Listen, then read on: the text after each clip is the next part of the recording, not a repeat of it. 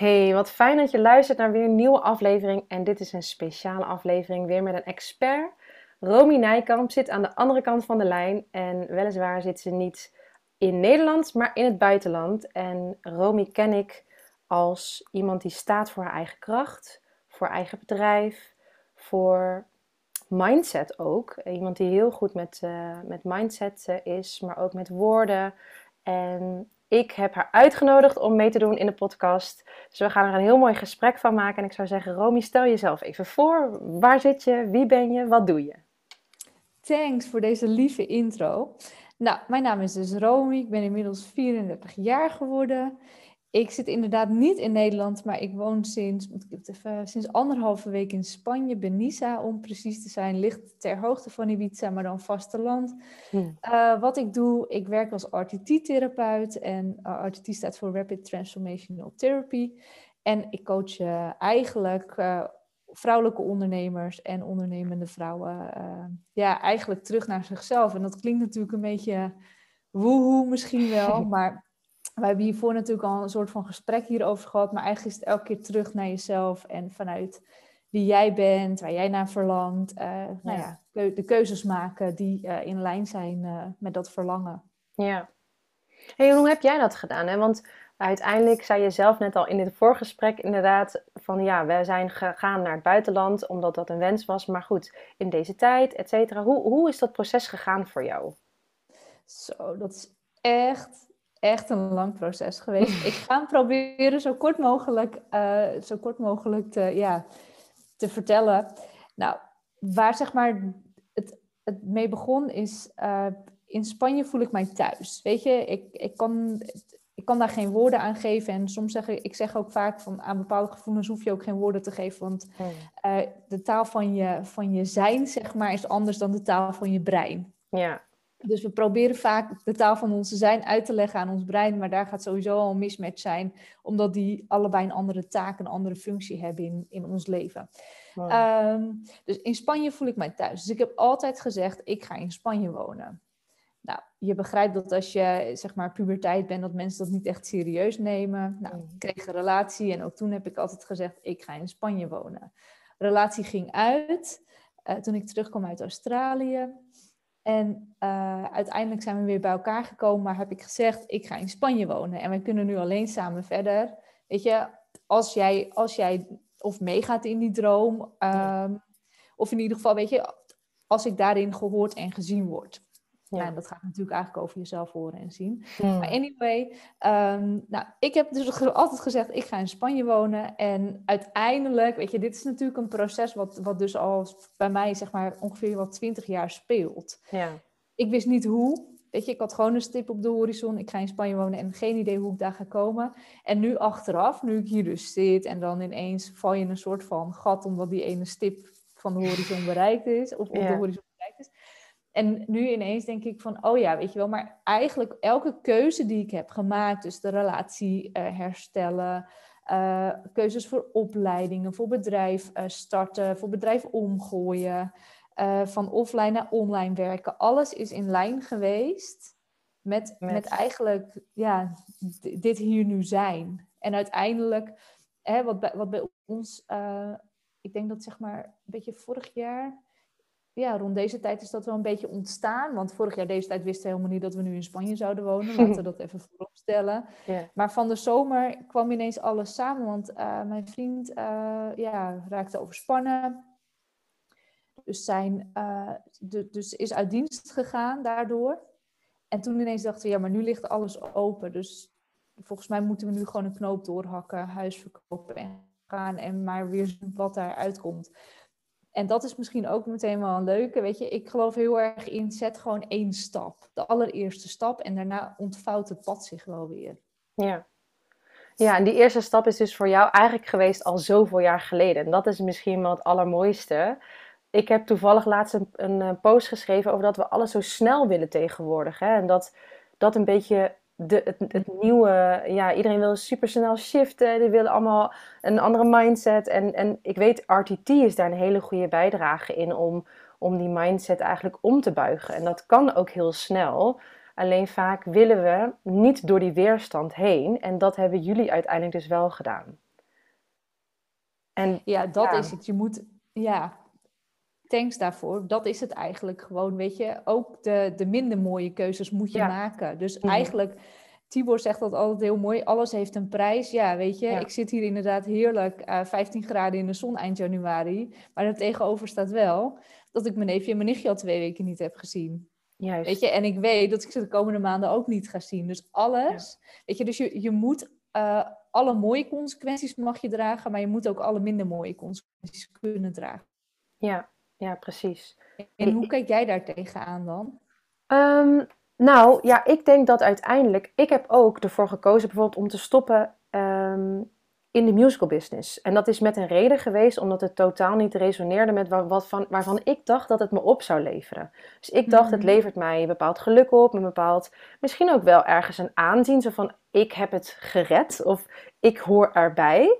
En toen ik daar eenmaal stond, zei iedereen tegen mij, maar, maar dit is toch wat je droom is? Weet je, dit, heb je toch bereikt? Eigenlijk die stip op de horizon. Want het zou nu eh, net zo zijn voor jou bijvoorbeeld, als jij nu zegt van oké, ik ben hier nu, maar het resoneert totaal niet, dan mag je opnieuw de keuze maken. Ehm, wederom weer met de consequenties. Maar wat voor mij het belangrijkste is, is geweest, is dat ik continu dus blijf intunen bij mezelf van oké, maar wat wil ik? Ja, En mijn hele omgeving zei, maar ik snap het niet. Wat ga je nu dan doen? Ze snappen soms nog steeds niet wat ik nu doe. Ik zeg dan ook altijd, ik ben gewoon ondernemer. Ik vind alles leuk. Ik, ik, kijk, ik kijk ook en ik voel ook elke keer weer wa- wat resoneert bij mij als mens op dit Mhm. moment. En wij hebben vorig jaar, even als voorbeeld, ons huis dan aangekocht. Daar was ik over the moon. Want dat, weet je, dat was het eerste huis wat ik samen met mijn vriend kocht. Ik dacht, wauw, oké, ja, het, het kan niet meer stuk. En hij zegt op een gegeven moment halverwege het jaar, ik word hier niet gelukkig. En toen dacht ik, wow, ja, dit is echt wel weer iets waar we iets mee moeten. Want hij kan toch, het kan toch niet zo zijn dat als je hier gaat wonen, dat je ongelukkig bent. En dat je hier dan maar moet blijven wonen omdat het een koophuis is. Mhm. En vervolgens hebben we dus ook de keuze gemaakt om te zeggen, ja, maar dan heeft het geen zin om hier te blijven wonen. Je moet het allebei naar je zin hebben. Je moet allebei dat gevoel hebben van het, het, het, het past.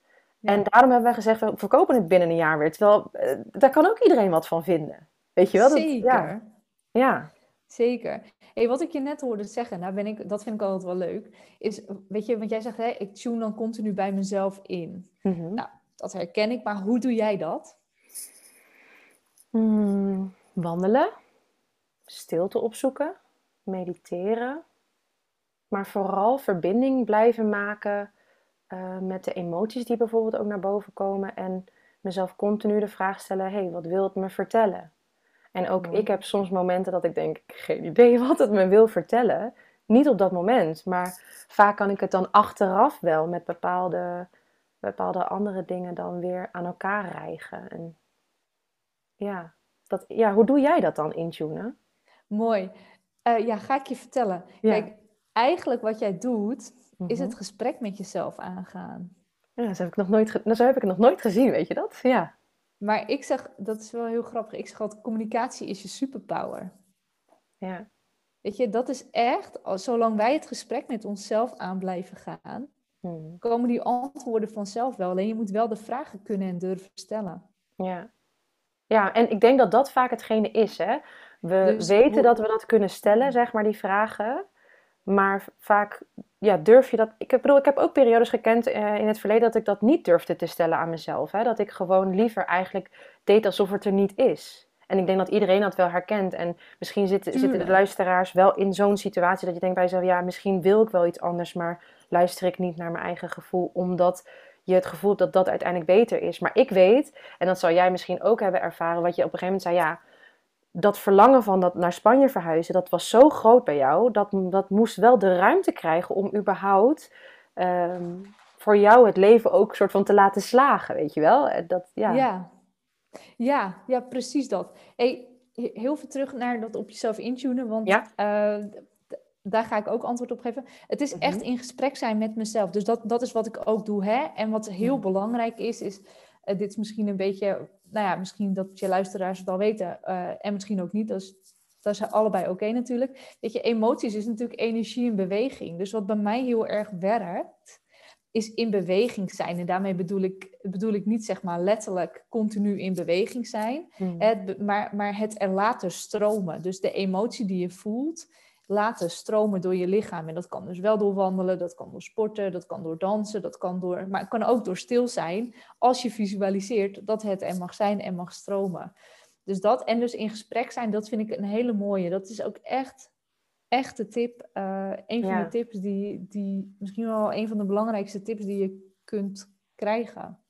Ja, want ik, ik, ooit heb ik een keertje Suzanne Beukema zei van ja, zo- zolang je maar die strandbal onder water blijft duwen, die moet op een gegeven moment een keer naar boven komen, weet je wel? Dat, ja, dat vond ik ook zo'n mooie metafoor dat ik zoiets had van ja, dat is echt het voorbeeld van als je maar jezelf en dus je emoties en je gevoelens blijft wegduwen. Ja, Ja, en wie, wie ben je dan, weet je wel? Ben je dan wel je pure ik? En, en welk masker heb je op? Want ja, daar, dat is voor mij ook zo onwijs de reden geweest waarom ik ook tegen mijn vriend zei van... joh, als jij niet meer hier wil wonen, dan mogen we luisteren naar dat gevoel... en dan kijken we wel waar we uitkomen en ja. waar het leven ons naartoe leidt. Dat. dat. Ja. En eigenlijk wat je hebt, want we denken dan, oké, die, die bal onder water houden, dat is, hè, wij, wij koppelen dat dan vaak aan emoties die wel of niet laten Mm. zijn. Maar dat geldt natuurlijk ook zo voor je verlangens. Ja, Weet je, als jij je eigen verlangens of je eigen dromen, zeg maar, blijft onderdrukken voor een andere, voor de omgeving, ja, dan op een gegeven moment, weet je, knapt er iets op een ander gebied. ja, klopt. Ja, en dat, ja, daar hebben we natuurlijk ook van tevoren een beetje over gehad van ja... alles heeft uiteindelijk ook een bepaalde consequentie. Of dat nou goed of fout is. Er is niet eens een fout, maar of dat nou goed of minder fijn aanvoelt of iets dergelijks. Ehm, dat is waarom ik het ook belangrijk vind om.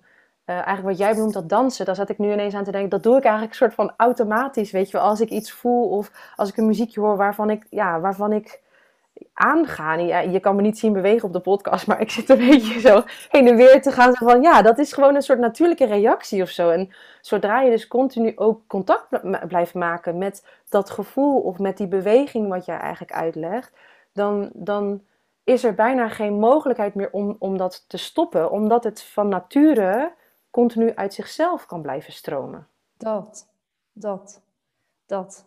Precies dat. Ja. Hey, en je zei net hè, ik heb nu die stip op die horizon, die heb ik bereikt. Mhm. Is er alweer een nieuwe stip op de horizon? Nou, goede vraag. Ik moet zeggen dat eh, misschien wel, wel leuk om te vertellen is dat zeg maar zo'n verhuizing naar het buitenland, dat brengt sowieso echt een vet transformatieproces teweeg. Daar zit ik gewoon, weet je, ik moet zeggen, er is licht aan het einde van de tunnel, want dat begint natuurlijk niet hè, op het moment dat je in het buitenland zit, maar dat begint al maanden ervoor. Eh, bij mij is er nu wel een beetje licht aan het einde van de tunnel, maar ja, dan staat waarschijnlijk het volgende wel weer voor de deur, wat ook helemaal oké is. Ehm, maar over die stip op de horizon, echt bizar. Maar ik was hier dus. En toen, en dit, het klinkt, in het begin dacht ik, oh, ik ben echt ondankbaar. Want ik voel me niet zo intens dankbaar omdat ik hier nu ben. Ja, Maar eigenlijk wat er gebeurde, was omdat je dan die stip op, hè, in mijn geval dan, ik heb die stip op de horizon bereikt, want ik woon nu in Spanje. En eh, het is echt super fijn. Maar tegelijkertijd ben ik ook echt in een gat gevallen.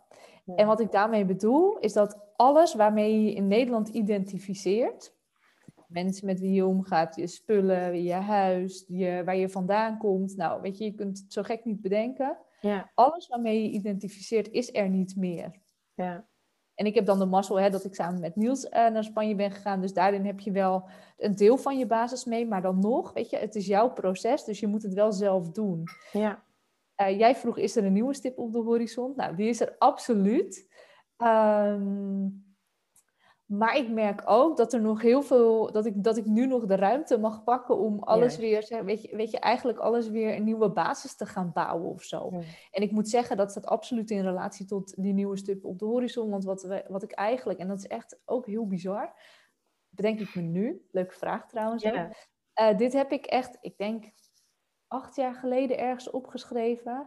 Weet je, want wat wil je dan doen in Spanje? Het is hartstikke leuk om hier te, te wonen en Ja. eh, het werk te doen wat ik doe. Want ik doe het leukste werk. Maar ehm, acht jaar geleden heb ik al opgeschreven... als ik in Spanje ben, wil ik zeg maar een kleinschalig holistisch ontwikkelinstituut. Dus dat is ook wat het volgende stip op de horizon is, om bij te dragen aan een mooiere wereld of aan een nieuwe wereld, in hoeverre je daar uh, mee bezig bent of voor open staat. Maar in ieder geval, weet je, terug naar, naar jezelf, maar dan op alle niveaus waar we uit bestaan en kom maar naar Spanje. En dan hebben wij dat kleinschalige boutique resort, zeg maar, waar, ja... Ja, mooi ook dat je dat dus acht jaar geleden al hebt gevoeld. Ja, bizar. Het is Want bizar.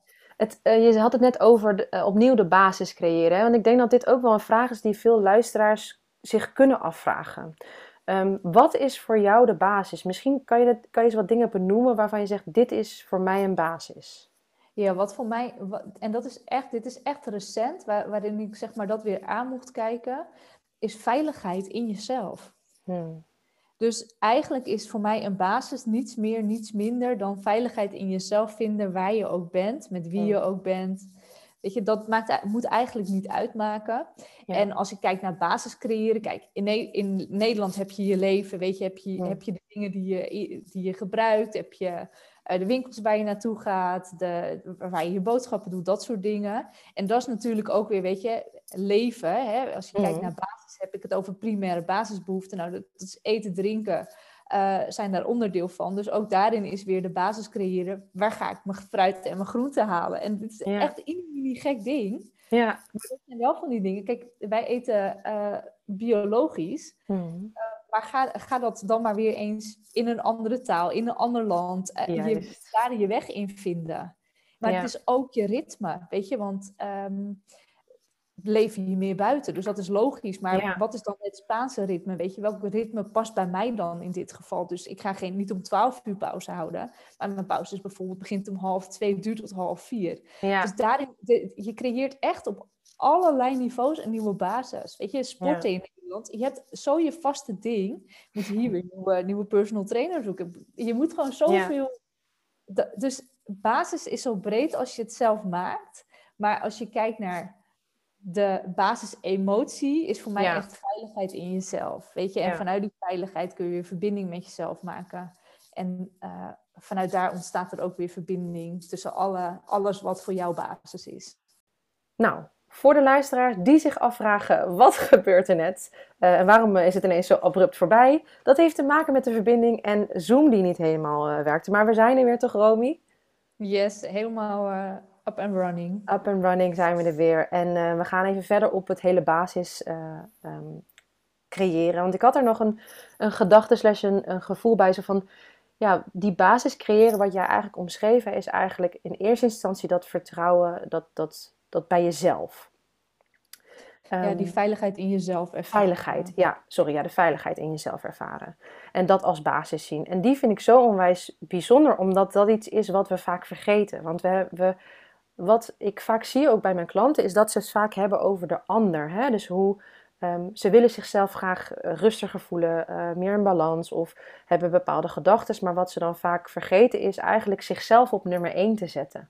Mm-hmm. En ik deed laatst een oefening bij een of andere uh, gathering of een meeting met, met, een aantal andere ondernemers. En toen vroegen ze: Goh, maak eens een lijstje met de belangrijkste mensen in je leven.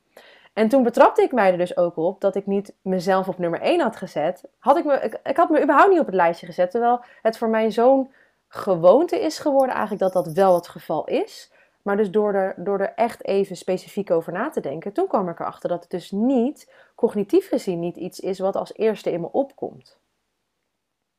Nee, en dat, dat is, is interessant. Ja, dat vond ik ook heel interessant. Want ik ben dus wel de hele tijd bezig met met luisteren naar mezelf. Maar op de een of andere manier had ik die, die klik dus, dus nog niet gemaakt. Dus die mag ik weer continu terugpakken. Ehm, en daarom vind ik het wel mooi dat je daarmee begint eigenlijk. Van dat vertrouwen bij jezelf. En dan pas eigenlijk de rest. Ja, ja. Ja, mooi. ja, ja. Dankjewel. Ja, maar dat is ook echt, weet je, dit wat ik zei. Eigenlijk de, de periode dat wij die podcast opnemen, weet je, ik heb daarin zo, uh, zo zeg maar, uh, nou ja, daarin stukjes bij mezelf mogen aankijken. Hmm, dat, het, dat, je, dat je daarnaar weer teruggaat. En wat, dit is misschien ook nog wel leuk om te delen, wat gewoon een hele belangrijke vraag is die je jezelf kan stellen op het moment dat jij iets voelt, hè, wat, je, wat, je, nou ja, wat misschien wel bekend voorkomt, maar je kunt het niet linken aan iets is de vraag, waar doet het mij aan herinneren? Dus dat ik hier in een gat viel en het voelde alsof alles op losse schroeven stond. Dat deed mij bijvoorbeeld herinneren aan de periode dat ik eh, in Australië zat en net terugkwam uit Australië, waarin eigenlijk een soort van mijn hele leven over de overhoop lag. Hmm. En ik alleen. En dat klinkt een gek, maar uh, ook daarin, weet je wel, relatie ging uit dat ik terugkwam. Ouders gingen scheiden. Bleek dat mijn vader zeven jaar een andere relatie had. Hmm. Uh, geen werk, crisistijd, dat soort dingen. Dus ik had echt alleen mezelf. Dus vanuit daar mag je gaan bouwen. Ja. ja, ik merk trouwens dat de verbinding af en toe wegvalt. Dus als er iets is wat ik mis, dan zal ik het tegen je, tegen je zeggen. Um... Nou, we waren, we waren gebleven bij die uh, basisveiligheid. Want ja, kun jij daar iets over delen? Hoe jij dat vindt in jezelf. Ja, nou eigenlijk door wat je net hebt gezegd, is er bij mij ook weer iets zo, zo aangewakkerd van, oh ja, dat is ook weer dat, dat, dat, dat vertrouwen in jezelf hebben. En ehm, die tip die je net gaf ook over, weet je, wat, waar doet het je aan herinneren? Dat is ook iets wat heel mooi is. En alleen al door die, die dingen weer van jou te horen, denk ik weer, oh ja, oh ja, wat is, wat is eigenlijk bij mij basis? En dan ga ik alweer heel anders nadenken. Maar in feite is voor mij de basis, voor mij is het bijvoorbeeld heel fijn om, ehm, om goed te luisteren naar mezelf. Want als ik dat doe, ehm, dan kan ik ook, dan pas kan ik eigenlijk ook echt mezelf zijn. En, en ik zie het ook altijd zo, anders dan ga je een bepaalde rol spelen. En ga je, ga je uh, ja, spullen kopen omdat je maar denkt dat je met spullen bepaalde dingen gaten kunt opvullen. En ja, ik, ik vind het heel uh, fijn om bijvoorbeeld me te verdiepen in bepaalde uh, onderwerpen waarvoor ik boeken kan kopen. Maar ik, ik wil ze net zo lief weer doorgeven of doorverkopen, zodat een ander er ook weer blij van kan worden. Dus het is ook weer, weet je, weet waar je waar je, je waardes ook in legt hè? En, en wat jij belangrijk vindt. En ik denk dat dat voor mij een basis is van wat vind ik belangrijk en hoe, um, ja, hoe, hoe kan ik ervoor zorgen dat ik trouw blijf aan mezelf. Ja, mooi. Mooie vraag. Ja. Maar dat brengt ook meteen een uitdaging met zich mee. Ja. En dat weet jij ook. En dat is natuurlijk, uh, hoe blijf je trouw aan jezelf? Dat begint natuurlijk met, um, met het formuleren van je eigen waarden. Ja. ja, want hoe doe jij dat dan bijvoorbeeld? Hè? Want ik, het, vaak zijn het ook wel, uh, bij mij is het vaak een beetje het hetgeen als ze dan zeggen, ja, uh, bepaal je eigen waarde. Ja, oké, dat is leuk, maar hoe bepaal ik mijn eigen waarde? Wat, wat is dat nou? Wat zijn waarden in jouw ogen? Uh, dat is een hele goede vraag. Voor mij zijn het eigenlijk, uh, ja, weet je, het zijn woorden natuurlijk, maar voor mij is het ook, het gaat, het gaat een soort van waar ik in geloof. Ja. Uh, dus meer in de zin van, dan kom je al heel erg op geloof over, geloofsovertuiging. En dat, alles wat ik doe, wat ik voel, wat ik zeg, weet je mm. alles, toets ik aan die, aan die geloofsovertuigingen. Ja. En uh, ik heb daarin best wel een concreet voorbeeld. Uh, op mijn veertiende uh, heb ik de diagno en, diagnose auto-immuunziekte gekregen. En ik wist altijd van, joh, dat, het klopt niet, het klopt niet. En dat wist ik toen niet, hè, want ik was puber, dus ik had het ja. druk met puberzaken. maar ergens wist ik dus blijkbaar al, oké, het klopt niet dat je lichaam zichzelf aanvalt, dat doet een lichaam niet. Ja. En daarin, door, zeg maar door, door die geloofsovertuiging en daarin zo enorm veel onderzoek te doen en daarin op fysiek, mentaal, emotioneel, spiritueel, energetisch niveau zoveel werk te doen, um, ja, heb ik zeg maar, kan, ik die waarden, de, hè, een van die waarden van mij is dus gezondheid. Dus mm. alles wat ik doe, denk, voel, toets ik, weet je, toets ik aan gezondheid. gezondheid, past het bij mijn visie op gezondheid, mijn geloofsovertuiging uh, met betrekking tot gezondheid? Nou, ik geloof heel erg in holisme. Um, dus, dus, dus, en ik geloof dus ook dat ons lichaam zichzelf niet aanvalt. Mm. Dus, dus dat is voor mij, maar dat is meer omdat ik ook de andere kant van de medaille kan. En dat is dus uh, hè, ongezond zijn. Mhm. Tenminste, zo heb ik het nooit echt gevoeld. Maar dat is wel de diagnose die ik heb gekregen. Ja, en dat is dus wel, ja, daarin ben je voor mij ook echt wel een voorbeeld. Want we, we horen steeds vaker om ons heen auto-immuunziekte, überhaupt hè, het ziek zijn of, of weinig energie hebben, is gewoon een groter uh, onderdeel geworden van onze samenleving. En daarin ben je voor mij echt een onwijs groot voorbeeld in het leren luisteren naar die intuïtie. Want uiteindelijk heb je dus intuïtief aangevoeld, dit klopt niet. Mhm. En ehm, ja, daar heb je naar gehandeld. En weet je hoe, wat de wetenschap dus eigenlijk, hè, de, de reguliere wetenschap, om het maar even zo te noemen, dus eigenlijk ook zegt, eigenlijk, ehm, dat zeiden we hiervoor in het voorgesprek samen al, ja, uh, die epigenetica, um, ja. dan moet je even me corrigeren als ik het niet goed zeg, maar dat is 5% is bepaald en de rest is allemaal zelf eigenlijk helemaal te maken. Ja, ja, dat klopt. En als je dit zegt, dan begrijp je dat als het over gezondheid gaat, dat veel mensen ineens denken: Oh, dus ik maak mezelf ziek. Hè? En dan krijg je die discussie. Mhm. Ehm, nee, maar inderdaad, als je epigenetica pakt, dan is het inderdaad zo dat. Uh, hè, dat, dat echt dingen die genetisch bepaald zijn, dat is maar 5%. En dan is het nog de vraag of die genen die die 5% zeg maar bevatten, mhm. uh, of die Um, hè, want genen worden geactiveerd door omgeving. Ja. Dus, en omgeving bedoel ik mee de mensen die je, die, met wie je omringt, de, de voeding die je tot je neemt, de beweging. Nou, weet je. Ehm, en niet de voeding tot je, wat je tot je neemt, zeg maar in de zin van in de vorm van voedsel of mm dranken, maar ook uh, alles wat je tot je neemt. Dus informatie, nou, dat soort dingen allemaal. En onze genen worden dus aan en uitgezet door omgevingsfactoren. Ja. Nou, dat is natuurlijk heel interessant. Ehm, dus, dus daarin kun je inderdaad, dat is misschien een beetje gek, maar ja, je kan jezelf ziek maken. En dat is ook wat ik gedaan heb. Hè? Mhm. En eh, dat doe je niet bewust, dat lijkt me logisch. maar uh, ik creëerde de ziekte om ervoor te zorgen dat ik nu nog leef. En dat klinkt een beetje zwaar, maar dat is echt, hè, ik heb hier verschillende sessies op gedaan. Mm. Eh, dus terug naar de oorzaak van, van de auto-immuunziekte. Maar het is dus gewoon heel duidelijk. Ja, weet je, ik creëer die ziekte om mezelf in leven te houden. Want hè, mezelf genezen werd een soort van levensdoel. Dat was echt de reden waarom ik, uh, nou, waarom ik het pad ben gaan bewandelen. Wat ik nu heb bewandeld. En ik weet zeker, al had ik die diagnose niet gehad. Nou, misschien was ik er dan echt oprecht al niet meer geweest. Want ik vond het leven niet altijd even leuk uh, toen, ik, toen ik zeg maar jong was. Ehm, opgegroeid in een gezin wat, wat onveilig is voor kinderen. Dus moet je ook wel een, over, en ik, een overlevingsmechanisme ontwikkelen. Nou, bij mij was dat dus de auto-immuunziekte. Ehm, niet de meest handige keuze natuurlijk, dat snap je ook. Maar ja, daardoor ben ik wel naar mezelf gaan luisteren. Ja. Uh, dus, dus het brengt je ook weer heel veel mooie dingen. Maar heel concreet als je kijkt naar, naar genen, hoe ze werken, ja, ons, weet je, ze worden geactiveerd en gedeactiveerd door onze omgeving en alles wat we tot ons nemen dus. Ja, en dit is maar dat is slechts mijn visie. Ja, ja, nee, maar ik deel die visie wel met je hoor. Ehm, dat is voor mij bijvoorbeeld onder andere een reden waarom ik eigenlijk niet tot nauwelijks meer naar het nieuws kijk, tenzij ik me echt moet informeren over een bepaald onderwerp. Mm me bewust ben van wat ik in mijn mond stop, maar ook uh, de hoeveelheid tijd die ik voor mezelf inplan om bijvoorbeeld te zeggen, ik, ik, ik, ben, ik ben in stilte, um, ik heb beweging, weet je, dat soort dingen. En daarin is, continu ben ik daarin ook aan het groeien. En dat is een, een soort zoektocht ook elke keer weer, weer opnieuw.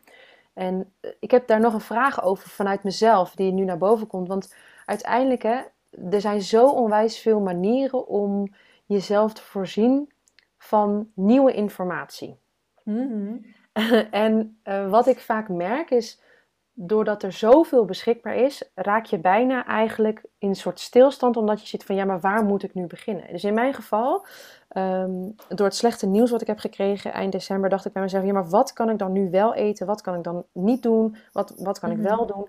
En hoe ga jij, en dat is dus denk ik ook voor de luisteraars heel interessant, hoe ga jij om met, je zei al, in stapjes, maar wat zou voor jou de eerste stap zijn om zoiets aan te pakken? Van hé, hey, ik, ik wil veranderen, maar hoe, moet ik, hoe kan ik dat doen?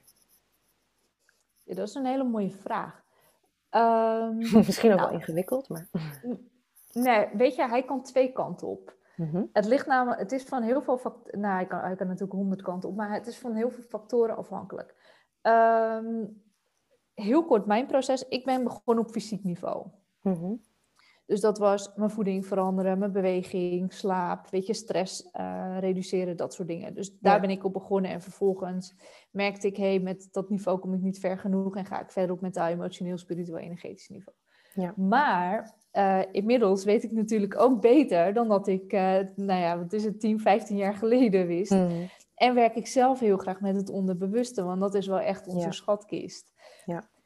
Ehm, dus daarin zou ik ook zeggen, er, daar is dus niet één pad, maar zorg in ieder geval dat als je ermee aan de slag gaat, dat je op onbewust niveau aan de slag gaat. Ja, ja ik denk dat ik dat, ja, ja.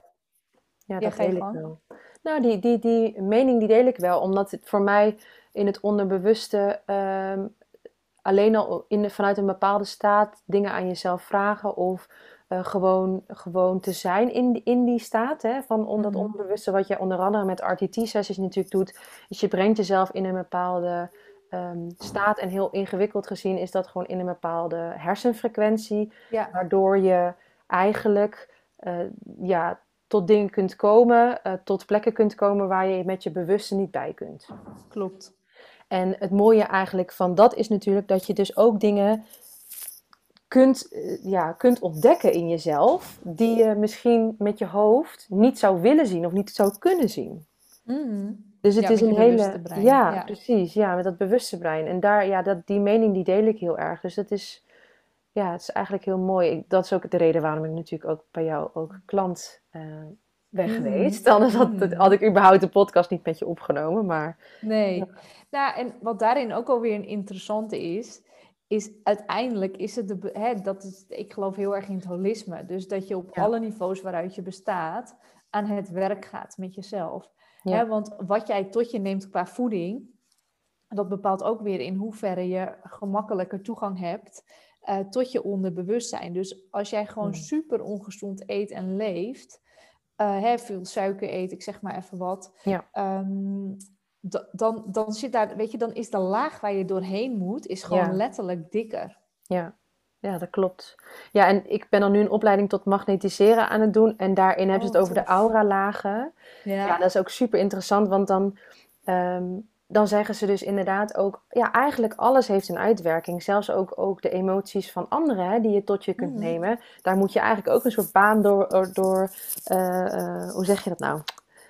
Uh, ja, er doorheen eigenlijk, wat jij net benoemt. Ja. En dat, ik zie dat dan voor me in al die kleuren, weet je. Daar, daar zitten ook kleuren in die niet van jou zijn. Die moet je eigenlijk van je af zien te krijgen. Uh, om vervolgens bij die kern uit te komen. En die is makkelijker te bereiken op het moment dat je dus geen suiker eet, wat je zelf al zegt. Of, of andere bepaalde voeding die niet uh, bevorderend is voor ja, jou als mens. Klopt.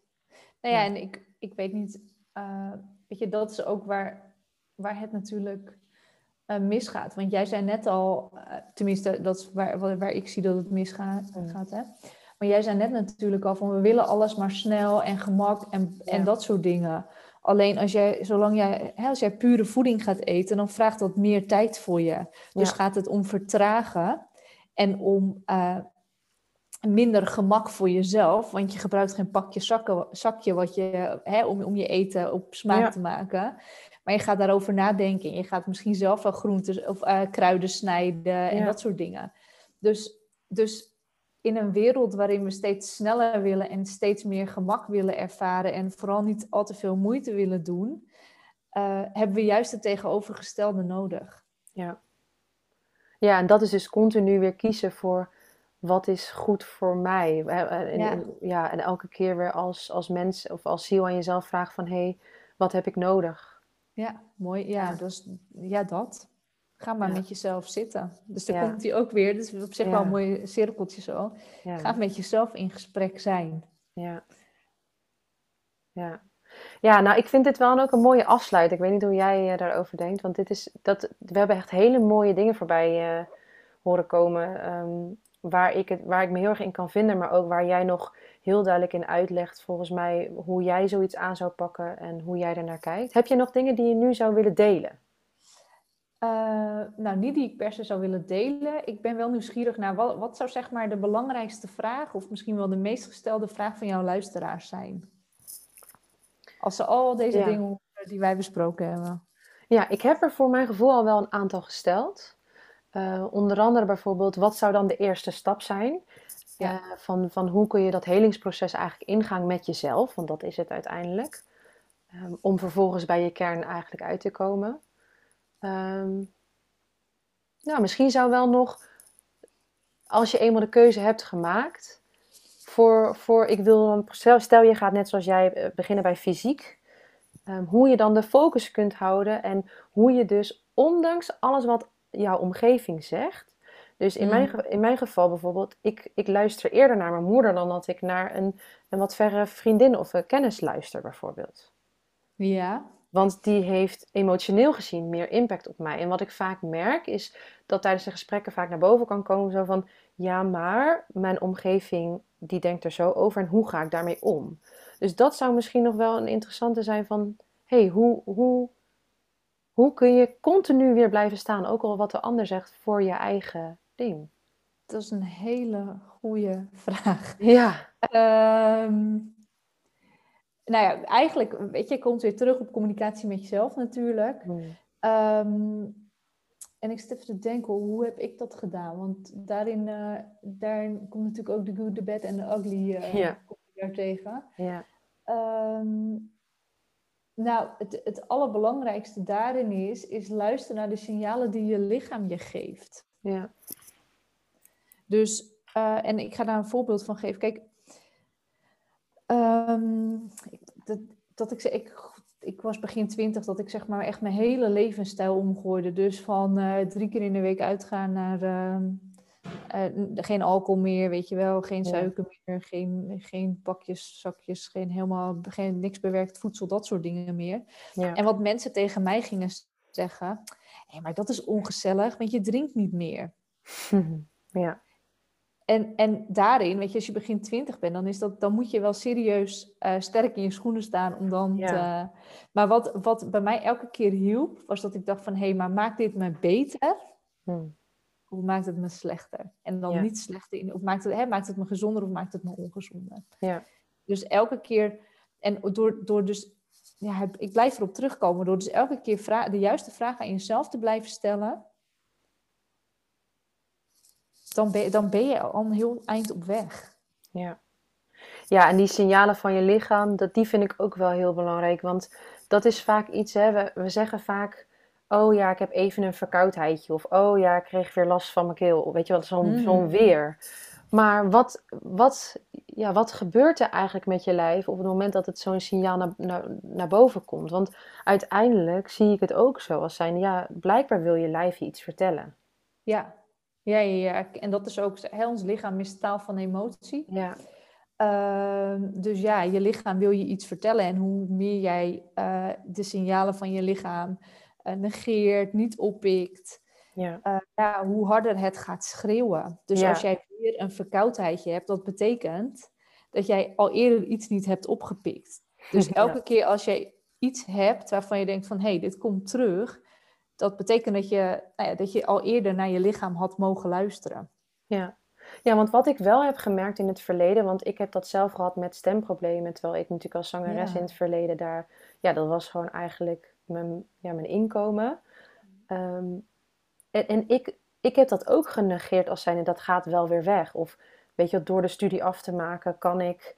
Maar uiteindelijk voel ik zo sterk dat, dat door te stoppen, door te zeggen nee, het kan nu niet meer, dat, ik, dat het grootste cadeau is wat ik aan mezelf, maar ook aan mijn stem heb kunnen geven. Zodat het, Mm. ik kan nu, ik, ik vind nu het weer beginnen met zingen eigenlijk, want zo zie ik het bijna. Een soort van opnieuw zanglessen volgen is voor mij super spannend. Want ik ga nu, voor mijn gevoel, met een hele andere mindset erin. Ik wil Ja. niet meer blaren, zeg maar, om het blaren. Maar ik wil met mijn ziel ja, met, Zingen. ja, Ja, ja. zingen. En ja, dat is denk ik eh, wat, waar we ook het over hebben met alles moet snel. Weet je, die bezieling die je kunt hebben in iets kan dan zoveel verschil eh, maken. Ook voor, voor je hele staat en je hele zijn. Ja, mooi. Mooi. Ja. Hele mooie. hey, eh, maar dan ben ik wel heel nieuwsgierig. Wat, hoe lang negeerde jij al je stem, de stemproblemen? Nou, ik heb dus schijnbaar vanaf vroeger al dat ze zeiden: ja, je hebt zo'n heese stem. Dus ik had altijd al logopedie gehad vroeger. Dus echt als klein meisje al. Ik denk, eh, ik zat in groep 5 of 6 of zo. En er zei een eh, meester: ja, volgens mij moet Tessa op logopedie, want die heeft zo- zo'n zo'n heese stem. Nou, en op zich is daar niks mis mee, want ehm, dat heb ik gedaan. En dat, ik- dat is ook een beetje mijn timbre. Daar ben ik achter gekomen. Mijn timbre is gewoon de kleur van mijn stem, is gewoon een beetje Mhm. hees.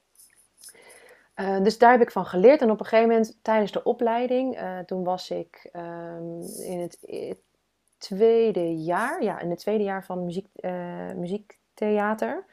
En ehm, eigenlijk toen begon dus bij mij dat mijn stem niet meer functioneerde zoals die eigenlijk normaal gesproken functioneerde. En toen kwamen er verdikkingen op.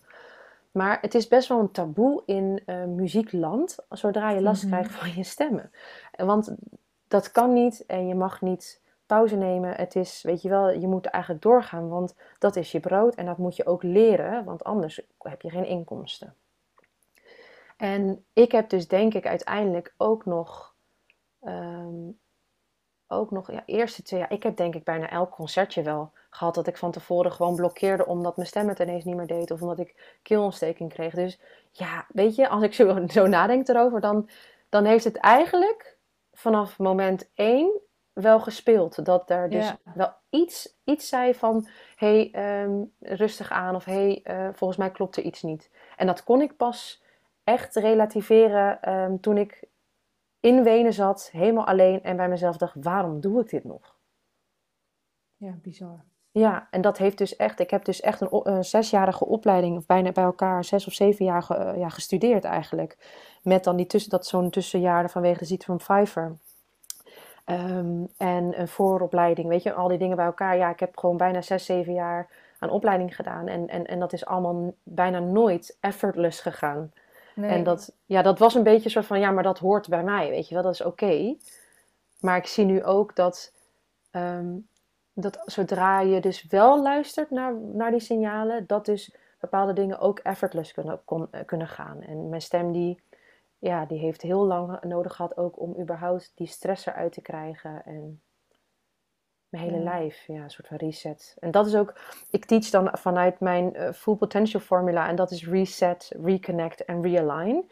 En die mm. reset, dat is vaak iets wat we vergeten. Want vaak gaan we al meteen Weet je wel, met het, met het reconnecten. Zo van, nou, maar wat wil ik dan nu? Weet je wel, nee, je moet eerst eigenlijk bedenken, oké, maar wat wil ik dan niet? Weet je, wat heb ik niet meer nodig? Mooi. Zeker, zeker.